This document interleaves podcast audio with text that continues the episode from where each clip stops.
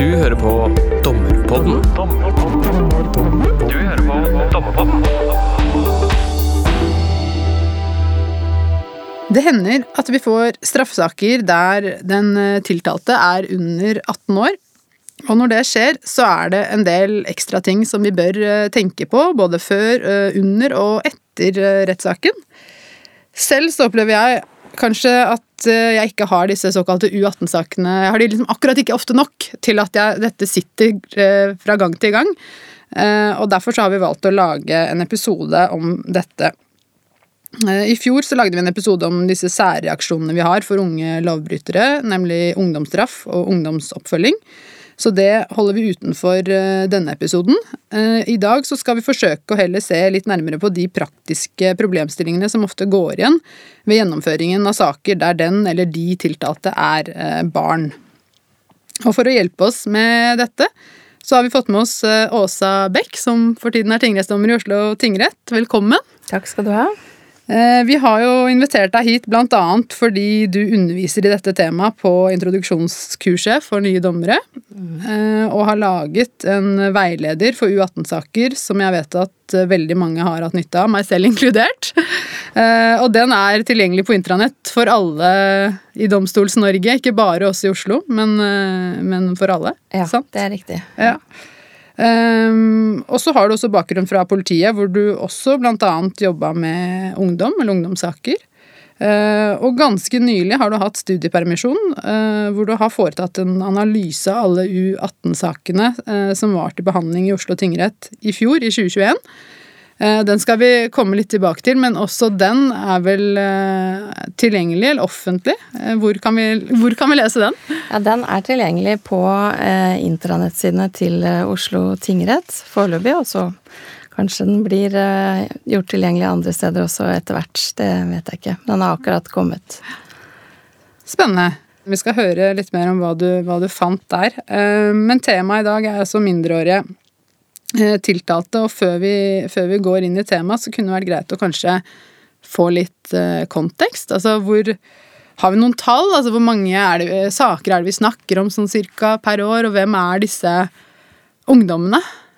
Det er eh, I prosentvis så er det veldig få saker som eh, omhandler ungdommer.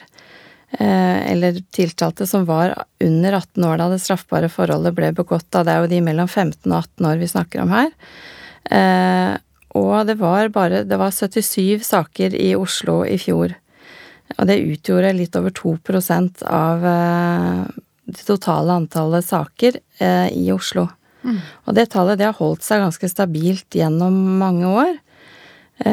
Så er det også sånn at Oslo er en øy for seg selv, kan man si, i, i Norge. Fordi at det er ikke på samme måte i de andre delene av landet. Hvis man sier Oslo og Stor-Oslo, tenker fra, fra Drammen til eh, Sarpsborg, da. Med området rundt og, og Lillestrøm og sånn, så er det en helt annen type ungdomskriminalitet her enn man finner andre steder i landet. Sånn at eh, i, på, i mindre domstoler så vil det nok være veldig sjeldent at man har eh, sakene. På den annen side så er vi over 100 dommere i Oslo tingrett. Og det betyr at det er ikke alle dommere som har hatt en sånn sak i fjor. Noen, dom, noen dommere har hatt flere saker, men ganske mange dommere som ikke hadde en sånn sak i fjor. Et inntrykk er jo, eller en oppfatning hos mange er at det har blitt flere saker. Er det, er det riktig? Ja, det har nok kanskje blitt lite grann flere, men, men ikke sånn at det gjør noe sånn markant eh, utslag på statistikken. Men det som, det som kanskje gjør det at man tenker det, er at de sakene som går, er blitt mye mer omfattende og tar mange flere dager ofte å behandle nå enn det de gjorde før. Og det skyldes kanskje at det er flere involvert i sakene. Altså, eh, og i 66% av de sakene som ble behandlet i Oslo tingrett i fjor, så var det flere involverte. Da er det ikke alltid sånn at eh, politiet har tiltalt alle som har blitt involvert, men, eh, men når det da skal komme mange vitner inn, mange som er tidligere siktet inn, så blir det mer omfattende å behandle sakene. Nettopp. Og vi, hvilke saker er det typisk snakk om? Det, det er to typer tilfeller som nesten alle saker omhandler. Det ene er ran, eh, hvor det gjerne da er eh, flere eh, unge gutter, eller unge menn, da, alt ettersom hvordan man ser på det, som raner én eller to andre gutter på omtrent egen alder. Mm. Gjerne i forbindelse med offentlig kommunikasjon, i eller ved en T-bane. Eller på vei hjem fra skolen, eksempel, i um, på, på, ettermiddagstid og kveldstid, men ganske, til ganske tidlig på kvelden, da. Mm.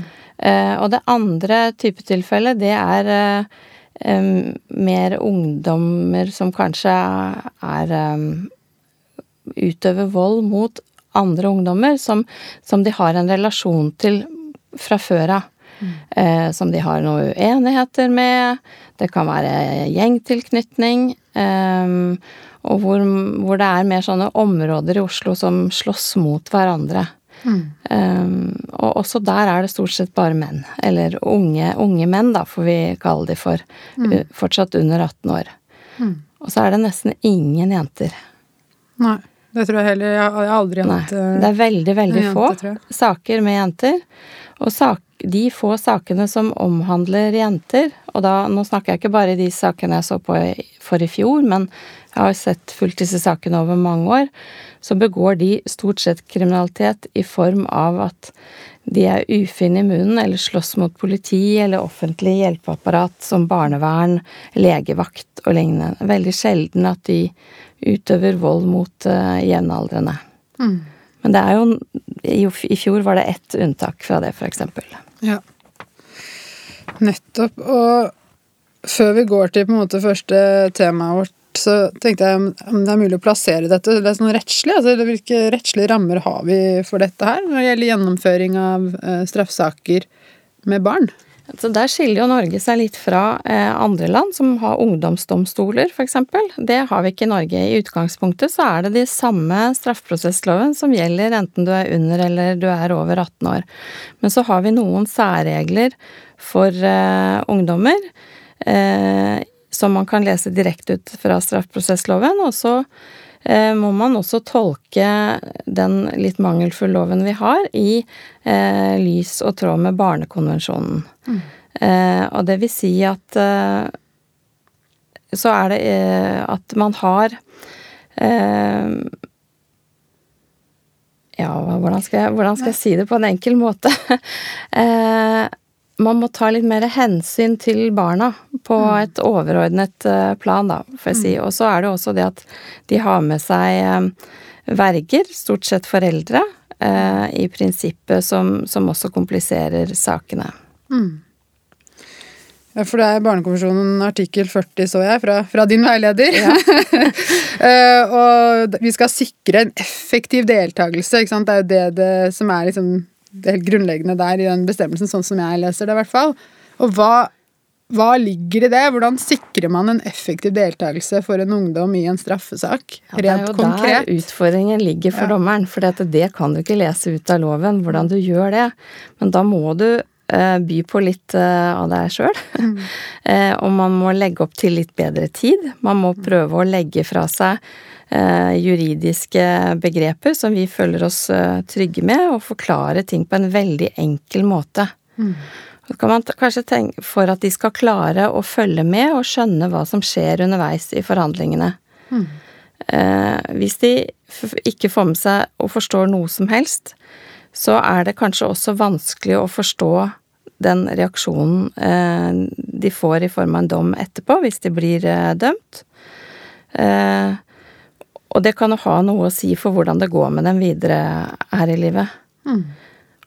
Og så må man også prøve å kanskje um, vite litt om hvordan ungdom lever i dag, da. Altså, jeg er 45 år, men jeg er en gammel dame i forhold til eh, 15- og 16-åringer. Fordi de lever sine liv på en veldig annen måte enn det jeg gjorde da jeg vokste opp, så du kan ikke bruke liksom din egen ungdomstid som referanse. Da, da, skjønner du ikke hva de snakker om, og du skjønner kanskje ikke heller eh, helt eh, I hvert fall når det gjelder sånn forsettsvurdering, ikke sant. Man må prøve å eh, sette seg litt mer inn i ungdommens eh, eh, sted å være på i livet, da. Hvordan, man, hvordan, skal vi gjøre det, da? Nei, da må man kanskje prøve å følge med, da. Og prøve å eh, Hvis man tenker at her kommer jeg til kort, jeg kjenner ingen ungdommer, jeg vet ikke hva TikTok er, jeg skjønner ikke dette med Snapchat, at man eh Hva det føles eh, hvis man får eh, hvis man får eh, tilsendt en snap med et, et symbol da, som tilsier at man ønsker livet av noen, mm. er det en drapstrussel f.eks., eller betyr det noe helt annet? Mm. Eh, da må man be om at eh, det blir forklart for deg i retten. Mm. Og så må man kanskje også si det til tiltalte på en tydelig måte, da, at, eh, at, du er nødt for å forklare dette sånn at jeg forstår det, fordi mm. at jeg er så mye eldre enn deg. Dette hadde vi ikke da jeg vokste opp. Nei. Mm. og, og, tørre å si det, da. Ja. Og språkbruk også fra altså andre veien. Det er jo, opplever jeg ofte at det er ja, gjerne eldre meddommere kanskje ikke skjønner, i hvert fall i Oslo, da, den derre kebabnorsken de bruker innimellom. Da er det veldig viktig tenker jeg, å si fra hvis det er et ord man ikke forstår. Altså. Ja, og, og ikke tørre å si det, ja, selv om man er dommeren. Ja. ja. det må man tørre. Må man For ellers så skjønner du ikke helt hva som foregår, kanskje. Nei.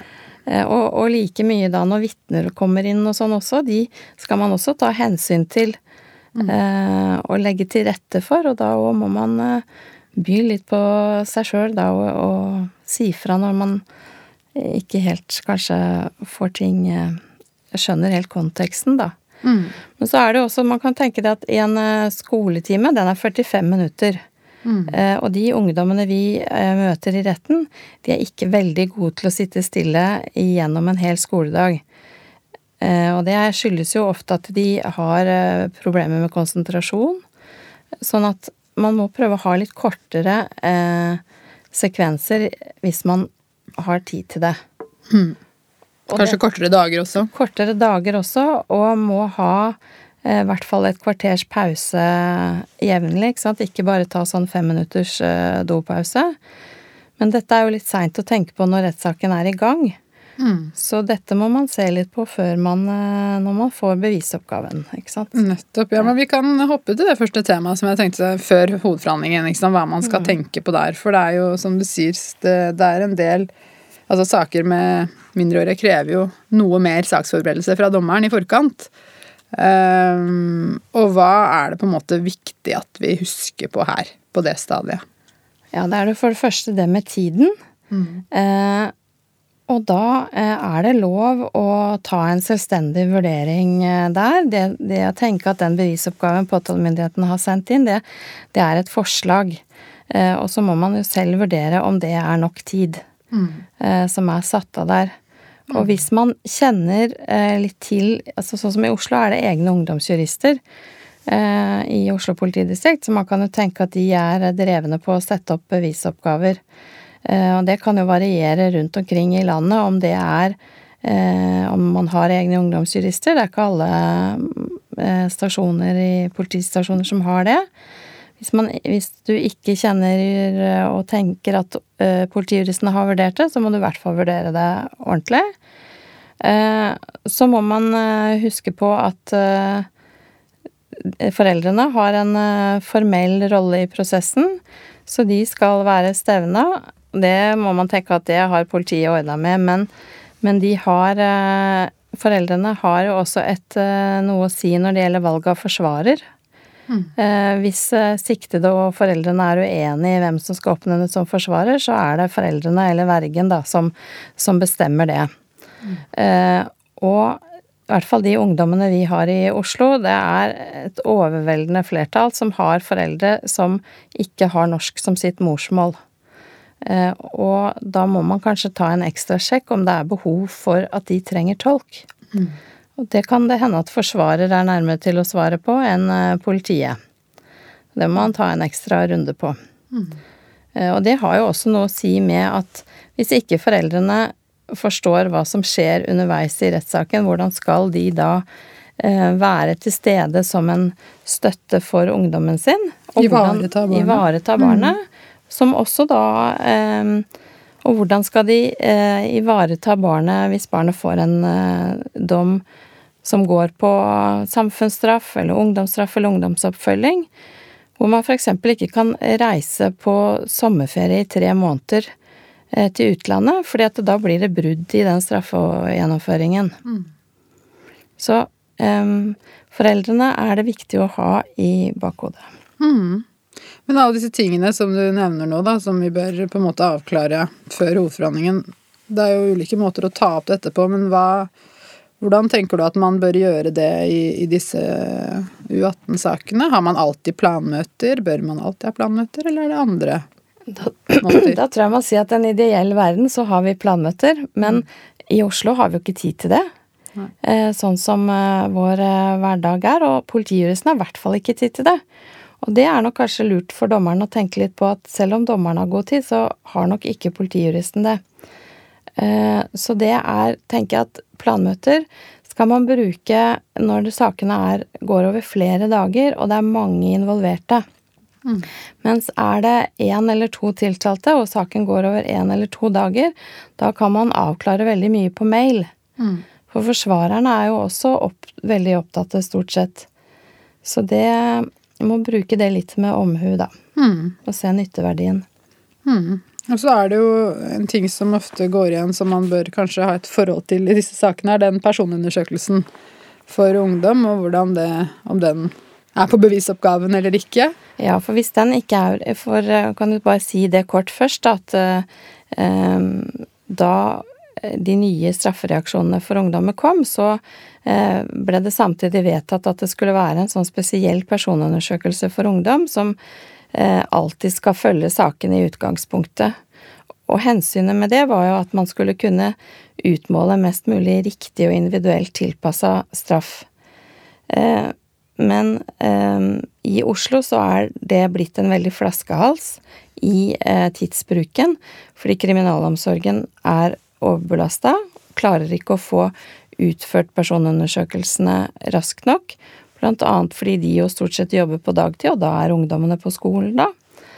Eh, og for det andre så er ungdommer, og kanskje også særlig foreldrene deres i Oslo, ofte motvillige til å delta i den personundersøkelsen.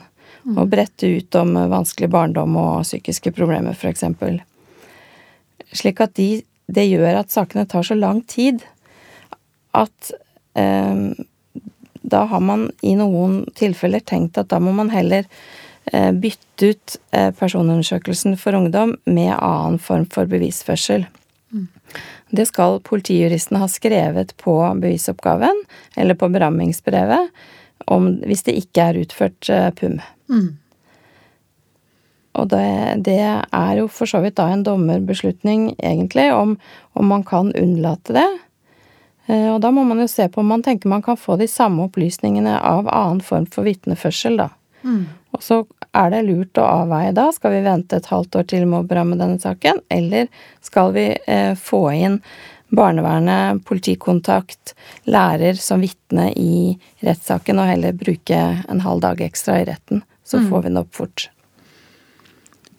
Men det er i hvert fall absolutt noe man bør være, ha et bevisst forhold til. Ja. Og sjekke, tenker jeg. Ja. Grundig om hva som egentlig står i det brevet. Berammingsbrevet, er det det heter? Ja. Berammelsesbrevet. Ja. Um, men er det uh, Det har vært et tema om, det, om dette er noe som skal endres. uh, dette regelverket knytta til PUM, og når det er nødvendig og ikke.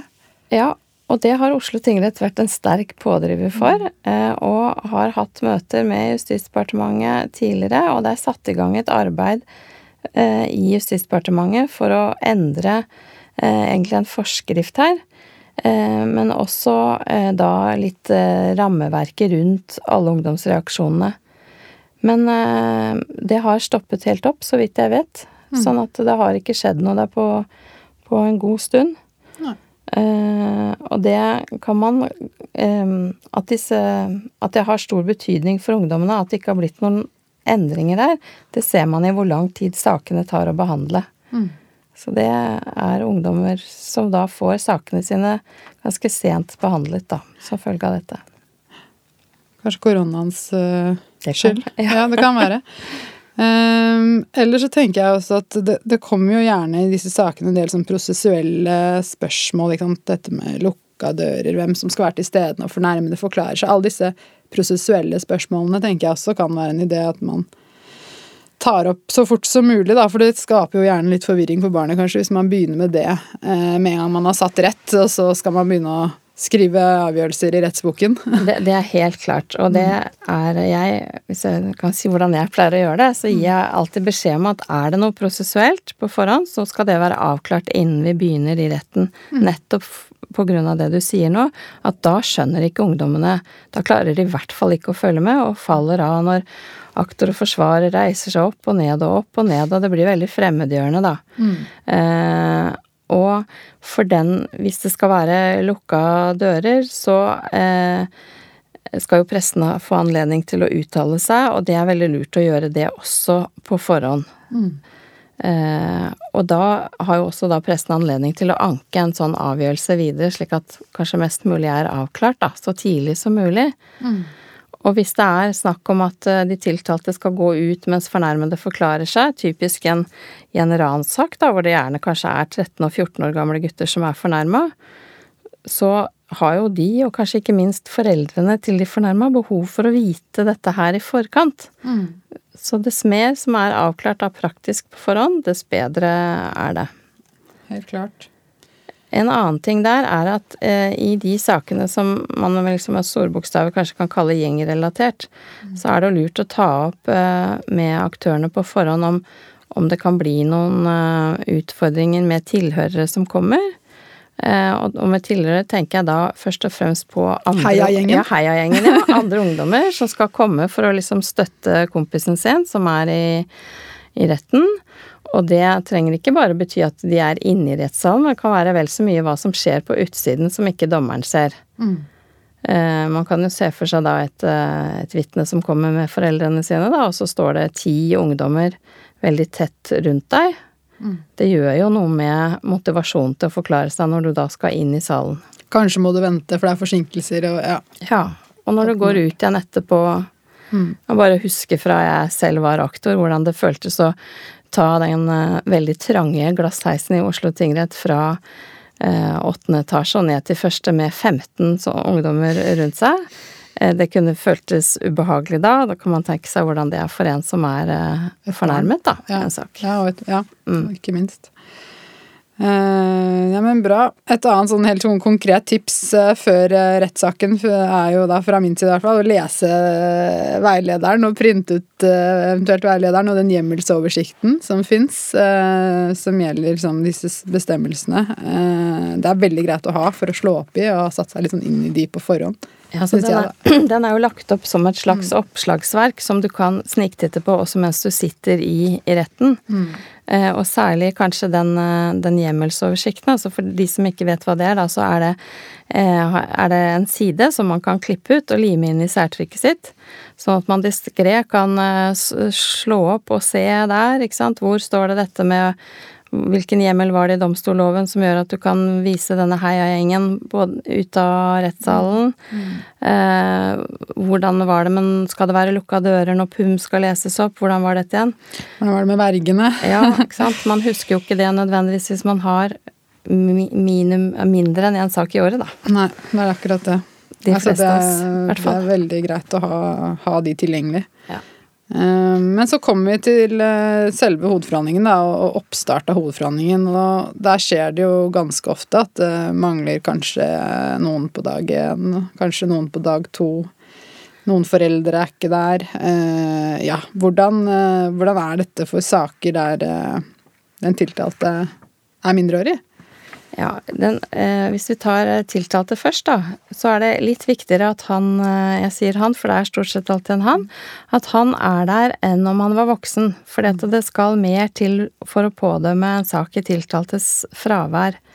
Eh, og da er det i praksis nesten bare bøter vi snakker om. Eh, eller ikke vedtatte forelegg. Mm. Eh, så med en gang det er et visst alvor over saken, så må han nesten være der. Mm. og da må man kanskje først prøve å Eh, sjekke om det bare er litt vanskelig å komme seg opp om morgenen, som jo veldig ofte er tilfellet. Så Det er jo også noe man bør tenke på i forkant når man setter opp denne tidsplanen, at det er kanskje ikke alltid realistisk at man er i gang før nærmere tid, da. Eh, og så er det dette med foreldrene. De er jo ofte ikke til stede, de heller. Og da eh, er det sånn at det gjør ikke noe så lenge de er stevna. For hvilke, hva slags rettigheter er det de egentlig har? Altså, de har, de har partsrettigheter uten å være part, heter det. Det vil si at de, de har eh, alle rettighetene, men ikke pliktene, på en måte. Så, og de, de eh, Det kan jo være mange grunner til at de foreldrene ikke er der. Man kan ikke ta utgangspunkt i hvordan man selv er som mor eller far. Eh, fordi det kan være det kan være gode og dårlige grunner til at de ikke er der. De kan f.eks. være aleneforsørgere, ha veldig mange andre barn de skal eh, følge opp. Eller eh, den tiltalte har et sterkt ønske om at de ikke skal være der, fordi at det, han er kanskje én person hjemme og en annen ute på gata. Og kanskje det er riktig at han skal kunne ha et, fortsette å ha et slags fristed hjemme. Eh, så man må på hvert fall på, ikke begynne å utsette saker fordi at foreldrene ikke dukker opp, så lenge de er stevna. Og det er derfor det er viktig å ha avklart det før hovedforhandlingen starter opp. Hvis de nå kommer eh, på første dag, så er det ikke sikkert at de er der etter lunsj. Og det er i hvert fall ikke sikkert at de er der på dag to og dag tre. For mange tenker nok da har de nok liksom vist støtte i starten.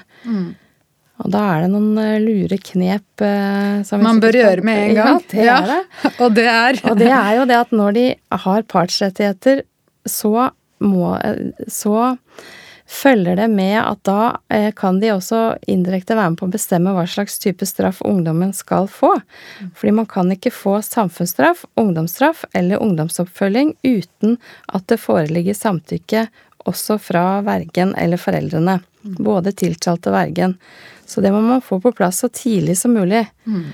Eh, og det andre man må få på plass, er å gi de tidspunkt for fremmøteforkynning av dom. For ellers så blir ikke dommen eh, rettskraftig og på lang tid, noe som går utover ungdommen. Og det kan man gjøre helt i oppstarten ved å si at eh, ikke sant, I forbindelse med at man tar personalet, og ikke gjør noe stor sak ut av det. Men ha i bakhodet at man at presenterer veldig tydelig Jeg vet ikke hva denne saken handler om ennå, eh, så jeg aner ikke om sønnen din kommer til å bli straffet eller ei, men, men eh, hvis det nå skulle bli så gærent at det skjer, ikke sant, så må eh, jeg vite om du samtykker til de forskjellige typer straffereaksjonene som ikke er fengsel. Og kanskje også der holde et språket så enkelt som mulig, siden de ofte ikke er eh, har norsk som morsmål. Nei, men de har krav på tolk. De har krav det på må man tolk. også huske på. Ja. Ja, men også man kan eh, Også for tolkene kan det være kanskje greit at man snakker enkelt, da. ja, absolutt. Men hva der hvor de er stevnet, og man tenker ok, det er en god grunn til at de ikke er der. De ivaretar barnet, men de har kanskje typisk, som du sier, da, en, en liten en hjemme som de har omsorg for, og som gjør at de ikke kan møte. Hva gjør man da med disse samtykkene? Altså Nei, da må man eh, prøve å få tak i de i løpet av dagen. Mm. For eksempel eh, på telefon, på, eller Ja, på telefon, ja. Mm. Eh, Det kan ofte være greit. Eller man eh, kan bruke FaceTime. Mm. Være litt eh, kreativ. Det må ikke være at man sender en oppkoblingslink til eh, domstolens eh, videonett, da. Hvis det på en måte er bare for å få avklart det. Eller forsvareren kan sørge for å få tak i dette i lunsjpausen. Sånn at man har det skriftlig. mm, Det har jeg gjort en gang, faktisk. Ja, det er ganske lurt. Uh, men når uh, Altså hvis de ikke møter, da, man opplever eller sitter og tenker at barnet kanskje ikke blir ivaretatt på en god måte hjemme av foreldrene. Hvordan er det altså når, når er det da eventuelt aktuelt å be fylkesmannen om en sånn midlertidig verge? For det er jo et alternativ. Ja, det eh, tenker jeg at det skal stort sett egentlig politiet ha vurdert. Det er i de tilfellene hvor de har eh, ganske motstridende interesser, kan man tenke seg. Eksempel hvor, hvor ungdommen er tiltalt for å ha utøvd vold mot en av søsknene sine. Eller mot eh, foreldrene. da bør det ha vært oppnevnt midlertidig verge. Fordi det blir for vanskelig eh, at den forelderen skal ivareta de to rollene samtidig. Og da kan man sende, hvis ikke det er tenkt på på forhånd, så kan man sende en mail til statsforvalteren statsforvalteren i Oslo som har en sånn hastemail som bare skal brukes til det, da. For hvis man skal begynne å ringe de, og, eh, så er det vanskelig å få det på plass. Kan forsvareren være midlertidig verge? Nei, det kan man ikke. Og, det, og heller ikke bror, eller man kan ikke liksom peke ut en, som jo hadde vært praktisk Ja, mange ja. ganger. Nettopp. Men det det, det har ikke dommerne kompetanse til å gjøre, da. Nei. Um, ja Hvordan er det med Du nevnte jo at vergene kanskje forsvinner til lunsj noen ganger, eller dagen, dagen etter og sånn, men hvordan er det med tiltaltes tilstedeværelse underveis? Ja, det kan også bli litt mer glissen utover. Ja, nettopp. Eh, og da, eh, da må man se, da. Prøve å være litt kreativ og se hva er grunnen til det. Og så, så kan jo selvfølgelig sakene, så lenge tiltalte har avgitt forklaringen sin, så kan han jo få anledning til å forlate salen. Eh, hvis ikke hans eh, nærvær er påkrevd, som det heter. Men eh, eh, det kan være ganske eh, greit å prøve å avklare hvis det er flere tiltalte, som gjerne har noen tilleggstiltaler, f.eks., som er individuelle, individuelle for dem, så er det jo kanskje ikke nødvendig at alle de tiltalte er til stede under hele saken. De burde kanskje heller være på skolen enn når eh, eh, tiltalen for eh, han som sitter ved siden av, skal behandles. Og det er jo også en sånn ting man kan avklare underveis. Og så var du innom dette med at noen tiltalte kanskje ikke ønsker at mor og far skal være til stede. De har kanskje et annet liv hjemme, eller ja. Eh, hvordan, hvordan er dette når, eh, når de tiltalte skal forklare seg? Altså, må foreldrene være til stede? Nei, det må de ikke. Nei. For det kan bidra til at du ikke får en, eh, en fullstendig forklaring. Og en, en fri forklaring. Og da, eh, da må man bare vise foreldrene ut etter den alminnelige hjemmelen eh, for å vise folk ut. Men det som er viktig å huske på da, er at da skal de få et kort resymé når de kommer inn igjen. Nettopp, for de har jo partsrettigheter. De har partsrettigheter. Ja. så- og da kan man jo Da er det jo da er det dommeren som gir den, det resymeet. Er det noe som skrives ned Nei. Det er mer sånn muntlig. Så, Ja. ja, så skriver man i rettsboken at det har vi gitt. Ja. Det fikk de. på en måte. Ja. Og da, da hvis aktor og forsvarer ønsker å legge til noe, så, så kan de jo gjøre det da. Nettopp.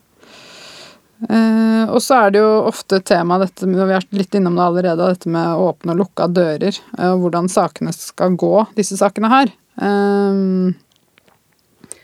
når den tiltalte er mindreårig. Mm, vi I Norge er vi jo opptatt av at uh, vi skal kunne bli kikka i kortene i domstolen, ikke sant. Så åpne dører er i utgangspunktet det vi ønsker å ha. Også når den tiltalte er under 18 år. Også for tiltaltes egen del. Uh, men så finnes det jo unntak, selvfølgelig. Eh, og da kreves det ganske mye av dommerne her, fordi at da må man skille mellom om man skal ha lukka dører for alle, eller om pressen skal få lov til å være til stede. Og det skal veldig, veldig mye til for at ikke pressen skal kunne være til stede med referatforbud. Og det er flere avgjørelser fra Borgarting lagmannsrett, i fjor annet, eh, hvor det er en veldig nyansert vurdering som foretas, altså. Og da er det for hvert enkelt ledd i hovedforhandlingen. Og da kan det f.eks. være sånn at eh, pressen får heller ikke lov til å være til stede når eh, personopplysninger om tiltalte skal legges frem, men de kan for øvrig få være til stede er en mulighet, eller de kan være Ja. Men når det gjelder tilhørere, da er man jo andre tilhørere, typisk Heiagjengen. Da er man eh, Da er det lettere å lukke dørene. Mm. Og, og i de sakene hvor det er eh, typisk i de sedelighetssakene hvor det er mindreårige fornærma jenter, gjerne, da, eh, som eh, av ulike grunner har havna i en sånn vanskelig situasjon, så, så viser det seg jo at de ofte har en mange eh, forhold knytta til sin person som det ikke er noe særlig at kommer ut i offentligheten. Og i hvert fall ikke for vennegjengen. De må man også ivareta der. Men man må huske på at eh, det er forskjell om eh, på presse og privatpersoner. Ja.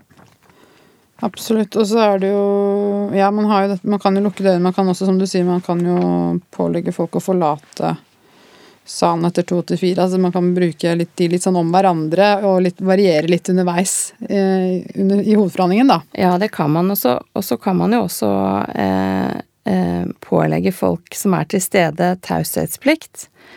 Men, men da må man jo se an hvilke personer det er. For å gi pålegge en, en 16-årig eh, tilhører taushetsplikt, så kan man jo tenke på om det blir overholdt eller ei. I den, eh, i den eh, undersøkelsen jeg foretok i, i, om sakene i fjor, da, så er det jo flere tilfeller hvor eh, som gjelder motarbeiding av rettsvesenet, for eksempel. Fordi ungdommene har nok kanskje liksom ikke den samme respekten for vitner som det man har eh, når man er mer moden, da. Og noen ønsker kanskje å filme litt, og vi snakka litt om Snapchat i stad. Det er det jo også noen som Ja, Gjør. Det, ja og det må man kanskje si fra om, da. Ja. Innledningsvis at det er rett og slett straffbart da, å, å sende snapper fra en pågående rettssak.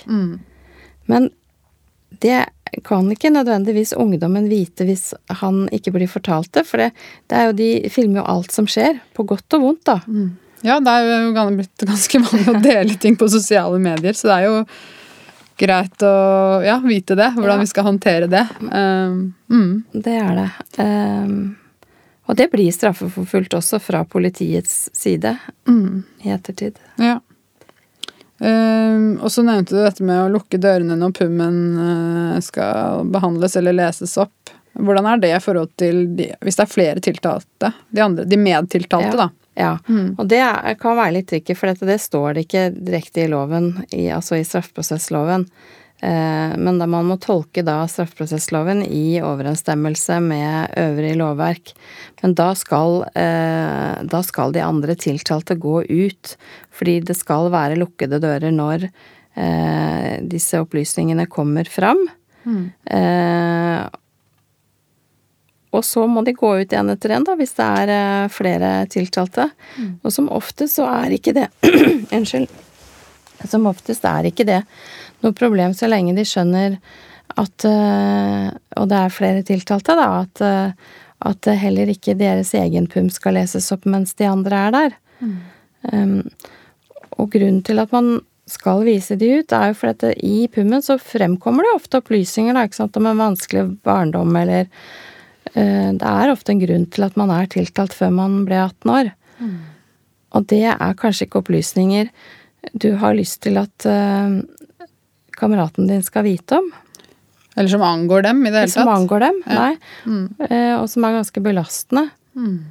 Og jeg tenker at det har også noe betydning for om man vil samarbeide om utarbeidelse av PUM. At hvis man eh, vet at man risikerer at eh, veldig sensitive opplysninger blir bretta ut for, eh, for eh, Gud Alle kompisene, ja. så er man kanskje ikke så interessert i å bidra neste gang det skal utarbeides en PUM, eller det blir kjent i ungdomsmiljøet. Mm. Så det har betydning utover den enkelte saken dommeren behandler. Mm. At vi gjør dette veldig ordentlig. Blir det gjort ordentlig? Du som har sett på de sakene alle sakene, i hvert fall i Oslo i fjor. Si. Det varierer veldig. Det varierer veldig, ja. Men det går så utrolig mye bedre nå enn det gjorde for to år siden. Så mange flere dommere har blitt oppmerksom på det. Mm. Og særlig domfullmekter, vil jeg si, eh, er oppmerksom på det. Leser veilederen, vet du. Ja. det er det. Men øh, ja, altså som du nevnte, så kan man jo da minne om, da, for de som er igjen, forsvarerne, altså de som bistandsadvokater det måtte være, så at dette At man har taushetsplikt, og at det er eventuelt straffbart å bryte den eh, når man da går gjennom disse opplysningene. Eh, Vi var litt innom eh, mindreårige vitner, mindreårige fornærmede, og hvordan man på en måte hva man skal tenke litt på der, hvordan man tar dem imot for å sikre en god forklaring. Ehm, Så jeg vet ikke om det er noe mer å si om det. Jo, altså det jeg kan si der, som kanskje er greit å vite, er at eh, vi er jo ikke sant, Stort sett så når vi har med mindreårige vitner å gjøre i saker som ikke er U18-saker, så er det tatt tilrettelagte avhør fordi at det er eh, en alvorlig sedelighetssak, eller det er snakk om vold i nære relasjoner. Men eh, det er jo ikke tilfellet i U18-sakene. Der er det når ungdom begår straffbare handlinger mot andre ungdommer, så er det veldig sjelden at det er tatt tilrettelagte avhør. Mm. Det er kanskje bare av de aller, aller yngste ransofrene.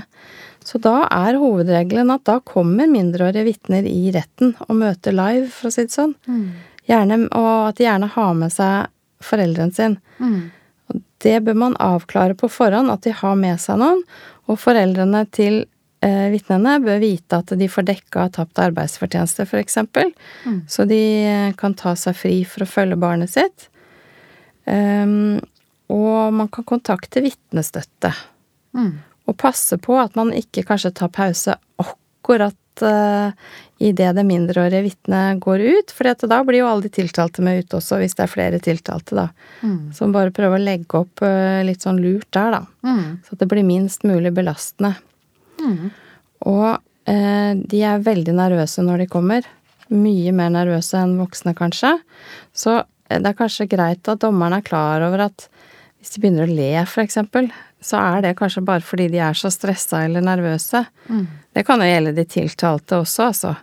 Men de er jo disse eh, Hovedtyngden av disse er ikke sant, de er fra konfirmasjonsalder oppover. Den mm. verste sånn alt er flaut og fnisealderen, og det er veldig fremmed å komme inn i en sånn rettssal. Og så får du den fine formaningen vår. Altså, hvordan er det med den? Da, Tar du den når nei, du møter mindreårige vitner? Ja, altså de, de, må jo love at de ikke skal lyve, de òg, men ja. man kan jo bruke litt andre ord, da. Ja, Forenkle den litt. Ja, og mm. kanskje er veldig viktig å, å, De skjønner kanskje ikke hvorfor de må komme, for de har jo forklart seg til politiet. Mm. Så da bare starte med å si det at uh, at uh, vi som er dommere i saken, vi har jo ikke hørt forklaringen din til politiet, så det er derfor vi må få høre den direkte fra deg nå. Mm. Og hvis noen stiller deg spørsmål, så er det for å hjelpe deg å huske, ikke for å være ekkel mot deg mm. underveis. Og så bare få avklart at de må snakke sant, og at man må si at det er straffbart å lyve. Klart det. Ja. Og så pleier jeg i hvert fall å si, og så må du love meg det på en litt høytidelig måte. Mm. Og når de da sier ja, så, så, gjør jeg Da tenker jeg det er greit. Det får være bra nok. Ja. ja. Og når man har en fornærmet som, som er eh, mindreårig eller under 18, eh, og som du nevner så er gjerne foreldrene med, eller vergene med, eh, når de skal forklare seg, og så, så blir det ofte et spørsmål dette med erstatning. Og så har man kanskje en, en gutt som ikke vil kreve erstatning, men så sitter foreldrene der og sier jo, vi vil gjerne fremme krav om erstatning. Vergene. Hvordan, hvordan gjør vi det da? Det er veldig praktisk, for det, ikke sant. Da er du frastjålet en uh, jakke til 10 000 kroner, da, så er det jo gjerne moren som må betale for den, og er veldig Mens, uh, mens fornærmende, han går kanskje på skolen med han her, så han syns ikke det er noe særlig. Og da er det motsatt, da, for av hva det gjelder for de tiltalte, at her er det fornærmede, altså ungdommen selv, som bestemmer. Mm. slik at eh, da hjelper ikke at mora vil ha oppreisning når sønnen sier nei. Nettopp. Ja. Da, vet, da fikk vi avklart det. ja. Og bare for å si det, så er det jo på trappene at eh, det skal komme en lovendring også når det gjelder tiltaltes rettigheter ved motstrid med, med sine foreldre, da, slik at det regelverket blir samordna. Mm. Og det er det nok gode grunner til. Ja, For det er disse tingene her som jeg syns ofte er vanskelig å huske på fra gang til gang. ja, hvordan er, er, det med de Ja, for det er litt inkonsekvent. Ja. Mm. Um, altså, og da bare én ting til som er mm. inkonsekvent, er at vitnets foreldre, de, som jeg sa, de får dekket eh, oppgjør eh, eller utgifter for å følge barnet til rettssaken, mm. men det gjør ikke tiltaltes foreldre. I Ja, det er jo helt Det er ikke noe samsvar eh, der, nei. Nei, det håper jeg blir ordnet ja, opp i. Det får vi satse på. det, vi snakka litt om oppførsel til vitner som er barn, og hvordan de oppter seg i retten. Og, men det er jo også noen ganger at de tiltalte har en litt sånn oppførsel som man kanskje tenker at du Ja, det er de, litt sånn, kan være litt sånn frekke, litt sånn ugrei oppførsel. eh, Hvor, hvor eh, raus skal man være? Nei, da skal man ikke være raus. Der gjelder det å være streng tidlig. Slik at, For dette er ungdommer som nå må jeg jo si det generalisert, men som er vant til å forhandle med mange andre barnevern og sånn, så man må være veldig streng på hvordan man vil ha det. Og så kan man heller være hyggelig etterpå, men ikke noe tull. Nei. Hva gjør vi hvis eh, han ikke hører? Jeg sier han, jeg også, da, Ja. siden eh, det er stort Ja, sett da, han. Ja. da er det veldig lurt å ta en pause, og så eh, få forsvareren snakke litt med han. Mm. Det er jo ikke til hans fordel. Meddommerne skjønner jo ikke dette. Eh, Så det er veldig dumt av ungdommen å gjøre det, og det eh, tenker jeg at det hører, da hører de ofte på forsvareren. I ytterste konsekvens så kan man jo varsle at han kan utvises, kanskje. Ja da, det kan man jo gjøre. Og Mm. det, må- skal da- vel en del til. Ja, men da er det viktig at de har fått en advarsel først. Eh, og at de får beskjed om at neste gang du gjør noe sånt, så må du gå ut. Eh, og det må skrives inn i rettsboka. Ja. Følger av domstolloven. Ja, nettopp. For der, eh, ikke sant, hvis en tiltalt skal utvises, så må han ha varsel. Mm. Eh, Men hvis heiagjengen eller tilhørere skal utvises, så trenger de ikke varsel på nei, forhånd. nei da, det er rett ut. Ja. Ja. Ehm, nettopp. Ehm, ja, og så underveis i, i hovedforhandlingen så får vi ofte et inntrykk av hva som skal være, eller hva som kommer til å bli straffeforslaget til aktor, da. For er- vi har jo snakket litt om særreaksjonene og samtykkene, i hvert fall. Ehm, hvordan skal retten stille seg til eh, disse forslagene og den bevisførselen som aktor har lagt opp til? Jeg tenkte litt sånn på, for du har nevnt, skrevet litt om det i rapporten.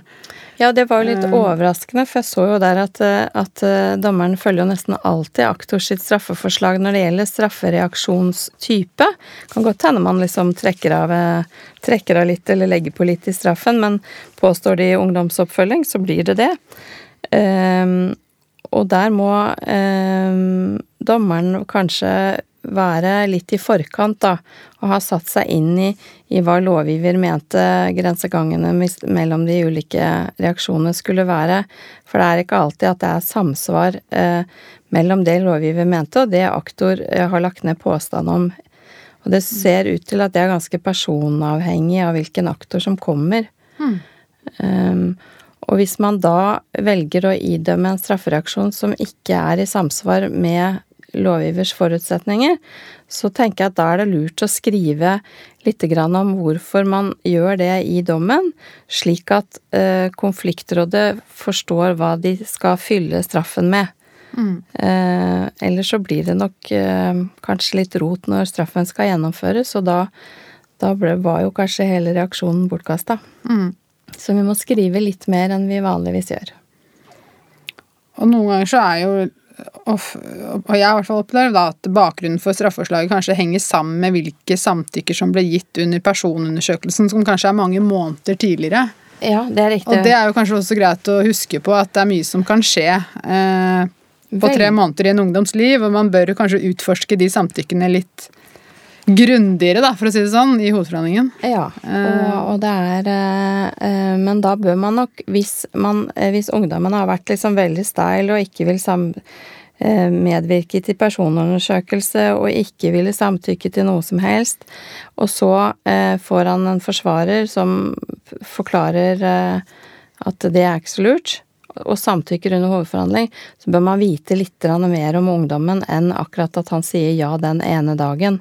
Fordi at det krever jo ganske mye å klare å gjennomføre de, de særreaksjonene for ungdommer, inkludert samfunnsstraff.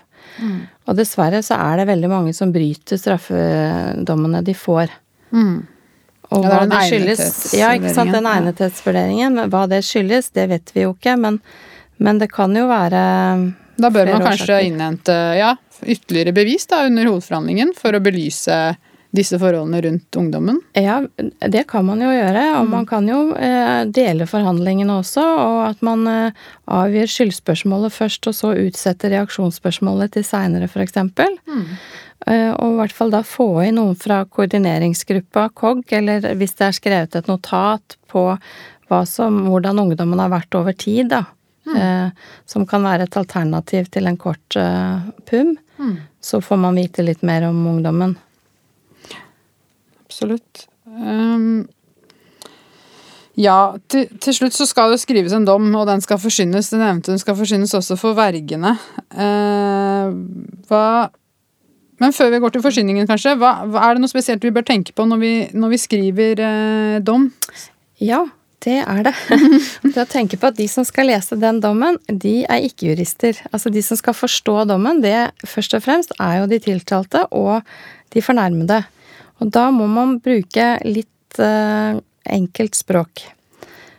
For at Og i tillegg så bør den jo ikke være for lang, for dette da klarer de ikke å lese gjennom hele. Og det er ikke sikkert de leser den uansett, men, men, eh, men i hvert fall prøve å forklare så godt som mulig, da. Og, og kanskje særlig i de tilfellene hvor man kommer til at man skal frifinne, så er det viktig å begrunne sånn at fornærmede skjønner at det kan godt hende at vi trodde på deg, men det var allikevel ikke nok til å domfelle. Skrive det på en måte som ikke er så juridisk, kanskje. Mm. Så de eh, har til, fortsetter å ha tiltro til systemet. Mm. Og så er det jo kanskje å ha tenker jeg i hvert fall, et bevisst forhold til hva, hva som fremgår av pummen, og hva man trenger å nevne i dommen av personopplysninger, kanskje. Ja, det er et veldig godt poeng. Til barnets uh, Det så jeg i den undersøkelsen, at der ja. det er det mange dommere som ikke tenker på i det hele tatt, mm. og skriver masse, masse, masse om personlige opplysninger. Eh, som blir lagt fram i denne dommen, men dessverre så er det mange av de ungdommene som kommer igjen eh, opptil flere ganger i løpet av et år. Eh, og da blir jo den dommen lagt fram i nye saker med nye fornærmede. Eh, sånn at skriv så lite som mulig eh, om ting som kan være belastende. Mm. Av hensyn til barnets reintegrasjon i samfunnet, som det heter. Ja, ja nettopp. og ja, hvem er det dommen må forsynes for? Den må forkynnes både for tiltalte og verge ned. Hvis, mm. Men hvis én verge møter, eller har blitt eh, innkalt til fremmøte forkynning, så er det tilstrekkelig. Mm. Da antar man at den på en måte har fullmakt fra begge? Ja, og jeg så at eh, det skjemaet som Oslo tingrett bruker til fremmøteforkynning, det er egna til å misforstå slik at uh, man må være veldig tydelig på at det også skal forkynnes for uh, vergene. Mm. Og har vergene eller vergen selvstendig ankerett? Ja, det har de jo. Sånn at de kan jo godt eh, anke en dom som tiltalte godtar, eller omvendt. Mm. Og da er det den som anker som eh, får eh, hva kan man si, det siste ordet. Da skal anken behandles, eller i hvert fall sendes videre i systemet, da. Mm. Bra. Vi har jo vært litt innom undersøkelsen eller analysen din fra sakene i fjor, men er det noe annet der som du fant, som du tenker at du til slutt kanskje har lyst til å dele med oss? Er det ja, så tenker jeg det i hvert fall eh, Dette er jo bare dommen i Oslo tingrett, men jeg ser at det er mange flere som nå eh, foretar en egnethetsvurdering av ungdommen enn det det var da jeg gjorde tilsvarende undersøkelse for to år siden. Mm. Det er kjempebra. Og så tenker jeg i forhold til en sånn spesialiseringsdebatt, så har jeg vurdert hvordan det går når domfullmektiger behandler sakene. Og det går ofte kjempebra når domfullmektiger behandler sakene, fordi at de setter seg inn i vanskelig juss, uh, uklar, uh, uklart landskap når det gjelder reaksjonsmåtene, og behandler også sakene veldig godt uh, underveis. Så er de kanskje litt nærmere i alder, da. Sånn at de har, har kanskje mer naturlige forutsetninger. Husker hvordan det var å være ung. Ja, og forstå. Ja. ja. Ikke sant. Uh, nettopp. Nei, men uh, veldig bra. Tusen takk, uh, Åsa, for at du tok deg tid til å komme hit. Ja, takk for at jeg fikk komme. Og delte litt av funnene fra, fra undersøkelsen. Den der veilederen din, nå har vi snakket en del om den. hvordan kan man enklest søke opp den? Da, hvis man søker eh, på Åsa Bekk, mitt navn, eh, kontaktkortet på intranett, så er det en link der. Det er den enkleste måten for de som jobber i domstolen. Og de som ikke jobber i domstolen, kan ta kontakt med Oslo tingrett og få tilsendt den siste versjonen på PDF. Den eh, oppdateres jo jevnlig, sånn at da kan det jo være lurt å spørre om et år igjen også, kanskje. Ja. Veldig lurt, eh, veldig lurt tips. Anbefales. Eh, og for dere som eh, har lyst til å høre mer om disse særreaksjonene, så har vi som sagt lagd en episode om det i fjor, som ligger også fremdeles tilgjengelig i Spotify og iTunes. Jeg tror episoden heter 'Ungdomsstraff og ungdomsoppfølging'. Eh, Så det går an å, å sjekke ut. Eh, Men ja, jeg tror vi setter eh, strek der. Takk for i dag. Eh, Mitt navn det er Runa Nordahl Hereid, som sammen med Ola Berg Lande og Ragnar Lindefjell utgjør redaksjonen i Dommepodden. Du har hørt på Dommepodden. Dommepodden er en podkast fra Norges domstoler og er først og fremst ment som et kompetansetiltak for dommere. Hvis du har ris, ros, forslag til temaer eller folk vi kan prate med, så er vi glad for å høre fra deg, og da kan vi nås på podkast at domstol.no. Ha en god dømmende hverdag så lenge. Vi høres.